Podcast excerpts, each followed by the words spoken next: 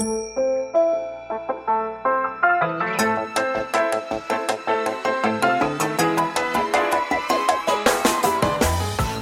lieve luisteraars, welkom bij de Stories of Inspiration podcast van What's Your Story. De podcast waarin ik jou laat horen dat er achter ieder gezicht een inspiratiebron schuilt. En waarin ik jou heel veel tips ga geven over hoe jij meer naar buiten kunt treden met jouw authentieke verhaal. Heel veel plezier met luisteren en na afloop ben ik onwijs benieuwd wat je ervan vond. Stuur me een berichtje via Instagram als je wil reageren, als je vragen hebt of als je jouw verhaal ook zou willen delen. Veel plezier met luisteren!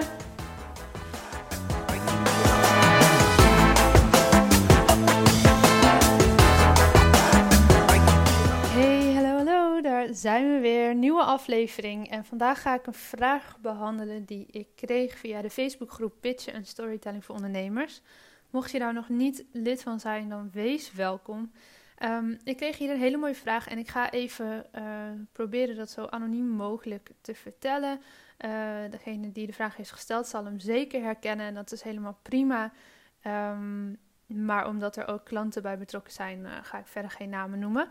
Um, de vraag, ik ga er gelijk induiken, die binnenkwam, gaat over een stukje hoe bereik ik mijn juiste doelgroep slash klant. Uh, waarin de kinderen in dit geval met wie zij werkt, uh, ja, uiteindelijk haar, haar doelgroep zijn, de mensen zijn die zij helpt. Maar haar klant zijn de ouders, want dat zijn degenen die betalen. En uh, ik gebruik dan nu even het woord doelgroep en klant. Ik weet dat dit in allerlei verschillende uh, blogs en marketingboeken wordt dat misschien weer anders genoemd. Maar om even het onderscheid te duiden, gebruik ik in dit geval uh, doelgroep als degene die zij helpt en klant degene die uh, betaalt. je kan ook zeggen betalende klant, ontvangende klant, weet ik veel. Geef het beestje een naam, maar ik gebruik nu even doelgroep en klant om het onderscheid duidelijk te maken. Um, dus zij geeft aan dat haar doelgroep basisschoolkinderen zijn. En um, dat kan dus in allerlei vakgebieden zijn. Hè? Bijvoorbeeld als uh, kindercoach of gezinscoach. Maar ook als sporttrainer wellicht. Um, wat zijn nog meer beroepen? Je hebt superveel in de kinderopvang. Dat zijn allemaal uh, vakgebieden waarin je de kinderen feitelijk gezien helpt. Maar de ouders de betalende klant zijn. En uh, zij zegt, de ouders zijn degene die een beslissing moeten maken om nou, hun kind aan te melden.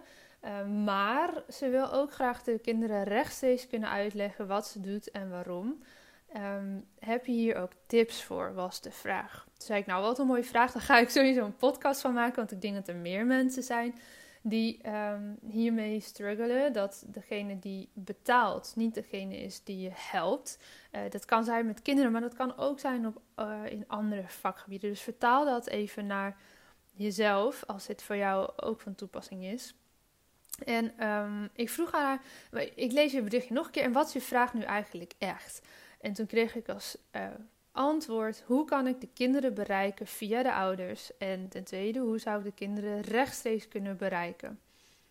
Nou, um, ik heb toen nog even weer verder gevraagd, waarom zou je deze kinderen rechtstreeks willen bereiken? Wat is de achterliggende gedachte? Want die kinderen in haar geval zijn best wel heel erg jong, basisschoolleeftijd. Um, dus ja, misschien de laatste paar groepen van de basisschool dat mensen, dat kinderen wel een telefoon hebben en misschien op social media zitten. Maar verder, ja, hoe bereik je ze? Ja, daadwerkelijk op de scholen en verder echt toch wel via de ouders. Um, nou, en toen legde ze even wat uit. Uh, een situatie met een klant waarbij uh, de ouder graag wilde dat uh, het kind bij deze persoon lang zou gaan voor een aantal sessies. En um, ja, eigenlijk uh, zeg je hier van uh, het kind heeft niet per se direct een probleem, maar uh, de ouders zien dat ze over veel dingen heel erg lang en diep nadenkt. Um, meer dan andere kinderen misschien, hè, in vergelijking met wie, is dat ergens gelijk mijn eerste ding wat, wat oppopt.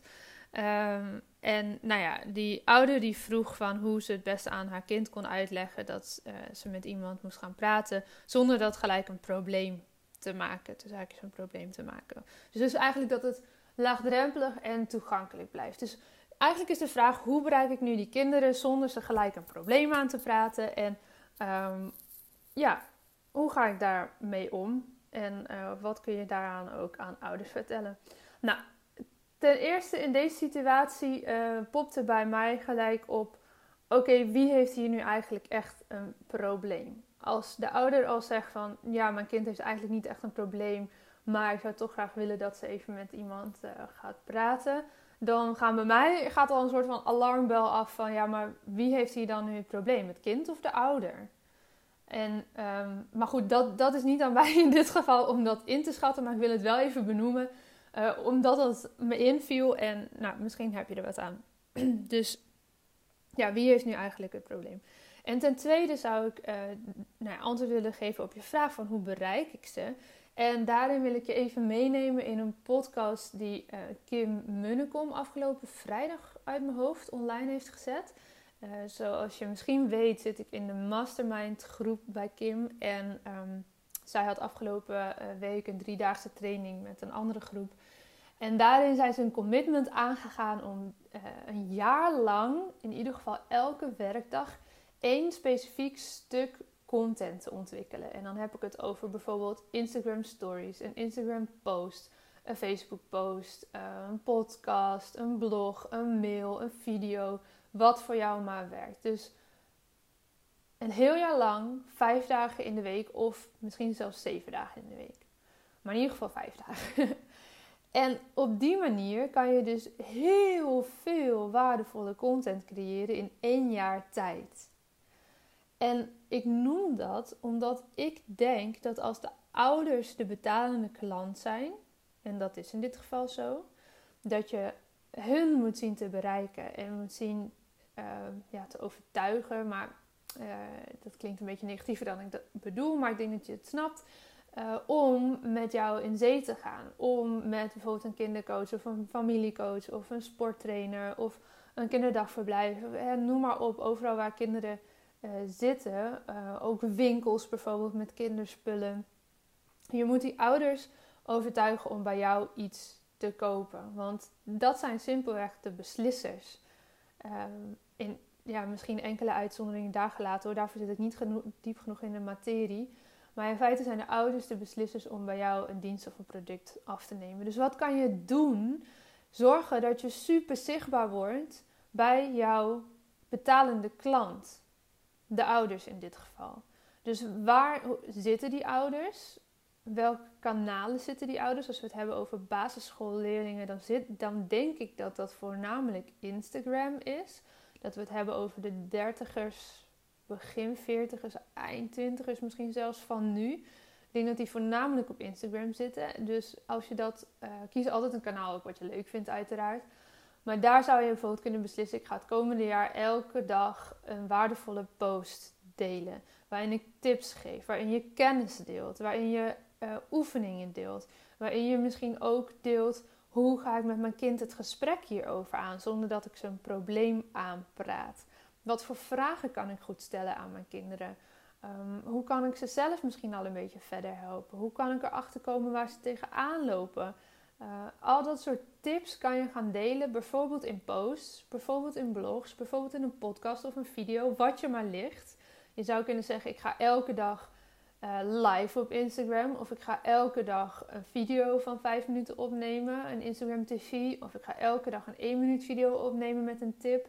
Er zijn superveel opties om jouw kennis te delen al voordat iemand betalende klant wordt.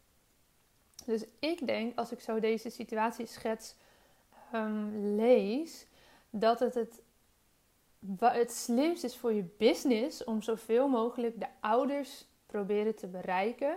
En daarin, in de content die je deelt, misschien antwoord te geven op de vraag die deze ouder stelde. Van ja, hoe ga ik dan dat gesprek met mijn kind hierover aan? En um, je zei, daar had ik niet zo goed een antwoord op. Maar ik denk dat als je daar eens even vakinhoudelijk induikt, dat je, dat echt wel, dat je daar echt wel een antwoord op vindt.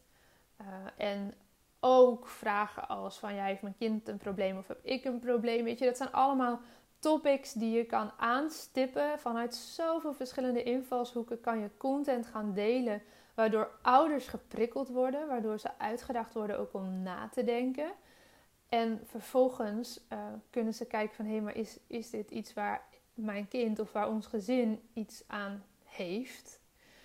Um, dus dat zou mijn, mijn nummer één tip zijn om um, nou ja, ten eerste af te vragen van hey, wie heeft hier nu eigenlijk een probleem? En ten tweede, zoveel mogelijk waardevolle content delen. Geef, nou wat zullen we zeggen, 90% van je kennis, misschien wel 100% van je kennis. Geef dat al weg, want uiteindelijk willen mensen bij jou, zeker als het om dienstverlening gaat, een um, dienst afnemen omdat ze in het proces begeleid willen worden. Het heeft niet zo uh, veel zin om kennis echt bij je te houden, want uiteindelijk willen ze bij jou iets afnemen omdat ze begeleid willen worden in het proces. Daarom willen ze jou als coach bijvoorbeeld er extra bij. Um, als het gaat om uh, kinderopvang bijvoorbeeld, ook een mooie uh, hoek. Weet je, geef, geef al je kennis prijs over opvoeding, over verzorging, over slaaptrucjes, over weet ik veel wat je allemaal als kinderdagverblijf bijvoorbeeld uh, aan kennis in huis hebt. Deel dat, want dat zorgt ervoor dat je een bepaald vertrouwen opbouwt bij uh, ouders of toekomstige ouders. Dat ze uiteindelijk zeggen: Oh, maar bij dat kinderdagverblijf, daar wil ik graag mijn kind naartoe brengen. Want die uh, snappen het of die, die denken hetzelfde over dingen zoals wij dat doen. Snap je? Dus uiteindelijk um, is het het allerbelangrijkste dat je zoveel mogelijk in het hoofd komt te zitten bij de betalende klant. En dat zijn in dit geval de ouders. Nou, hoe kom je daar in het hoofd te zitten? Door zoveel mogelijk kennis, ervaringen, oefeningen, noem maar op, te gaan delen via jouw kanalen. Blogs zijn super waardevol nog steeds, want zeker als je SEO-proef gaat schrijven, gaat dat op lange termijn, niet direct op lange termijn, veel opleveren in jouw uh, zoekresultaten in Google. Een podcast is prachtig omdat mensen dan ook echt je stem kunnen horen en kunnen verbinden. Met video is dat misschien wel nog sterker, want dan zien ze ook je mimiek. Uh, met posts op Instagram, ook die blijven bestaan, is in die zin iets minder, omdat dat niet bijvoorbeeld in Google goed gevonden wil worden. En als Instagram zegt, nou we stoppen ermee, ja, dan is het weg. Dus denk erover of dat iets is uh, wat je wil. Of dat je bijvoorbeeld blog schrijft, podcast maakt, video's maakt en daar naartoe doorverwijst via post. Nou, noem maar op. Er zijn superveel crossovers te bedenken. Um, zorg in ieder geval dat je in het hoofd komt van de betalende klant. Dat die zien dat jouw product of dienst zo waardevol is dat ze het voor hun kind willen aanschaffen. En dan kom je uiteindelijk in contact met de kinderen. En als het gaat om iets oudere kinderen die zelf al uh, gaan beslissen en ook zelf gaan betalen bijvoorbeeld. Dan geldt eigenlijk weer hetzelfde als wat ik voor de ouders heb verteld. Zorg dat je in het hoofd komt van die kinderen. Kijk, waar zitten ze online? Wat kun je voor content met hun delen? De hele tijd, de hele tijd, zodat zij met jou willen werken. En dit geldt dus eigenlijk in iedere situatie waarin de betalende klant iemand anders is dan de daadwerkelijke personen die je helpt. Dit kan je ook vertalen naar bijvoorbeeld grote organisaties waarin Mm, bijvoorbeeld de directie uh, beslist, we gaan hierin investeren. Die zijn jouw betalende klant, dus die moet je overtuigen van het nut van jouw dienst of product. Maar vervolgens ga je bijvoorbeeld als trainer aan de slag in een organisatie met al het personeel. Dus ook daarin zit een verschil tussen wie is je betalende klant en wie is uiteindelijk de doelgroep waarmee je aan de slag gaat. Dus ik denk dat dit voor heel veel bedrijven um, relevant is om er eens op die manier over na te denken. Check het dus bij jezelf. Wie is eigenlijk mijn betalende klant en wie is mijn doelgroep? Vaak is dat ook één en dezelfde. Nou, dan is het heel straightforward. Zorg dat je met jouw uh, content in de copies van jouw betalende klant komt te zitten, die ook tevens degene zijn die jouw dienst of product afnemen. Dat is bijvoorbeeld bij mijn bedrijf vaak het geval. Dat degene die betaalt ook degene is die een training komt volgen. En ja, dan, dan heb je eigenlijk die extra stap niet eens nodig. En kan je gewoon rechtstreeks zorgen dat die personen heel veel van jouw waarde al krijgen voordat zij uiteindelijk misschien, en misschien ook wel niet, betalende klant bij je worden. Oké, ik hoop je hiermee uh, op weg geholpen te hebben. Dat was een hele rare zin, maar je snapt wat ik bedoel. Um, ga focussen op de betalende klant. Vertrouw erop jouw uh, coaching, jouw producten, jouw diensten, wat dat maar voor jou is, dat dat een absolute meerwaarde is voor de kinderen in dit geval die je mag helpen. Ehm, ja, en ga vooral heel veel delen en denk eens na over wat het voor jou zou kunnen zijn om een jaar lang dat commitment te gaan maken. Oké. Als jij een vraag hebt die je graag zou willen terug horen, terug luisteren in de podcast, laat het me weten. Stuur een DM, stuur een chatberichtje op Facebook, stuur een mailtje desnoods of een appje. Vind je weg. Laat me weten waar jij graag antwoord op zou willen en dan gaan we daarmee aan de slag. Ja, dat was hem weer voor deze keer. Dankjewel voor het luisteren en ik hoop dat je hebt genoten van deze podcast. Wil je me helpen deze podcast te laten groeien? Laat dan een recensie achter via iTunes of deel in je Instagram stories dat je hebt geluisterd en vergeet mij niet te taggen. What's your story? NL. Zo kunnen wij er samen voor zorgen dat er meer en meer inspirerende verhalen gedeeld zullen worden. Alvast onwijs bedankt voor je support en tot de volgende aflevering.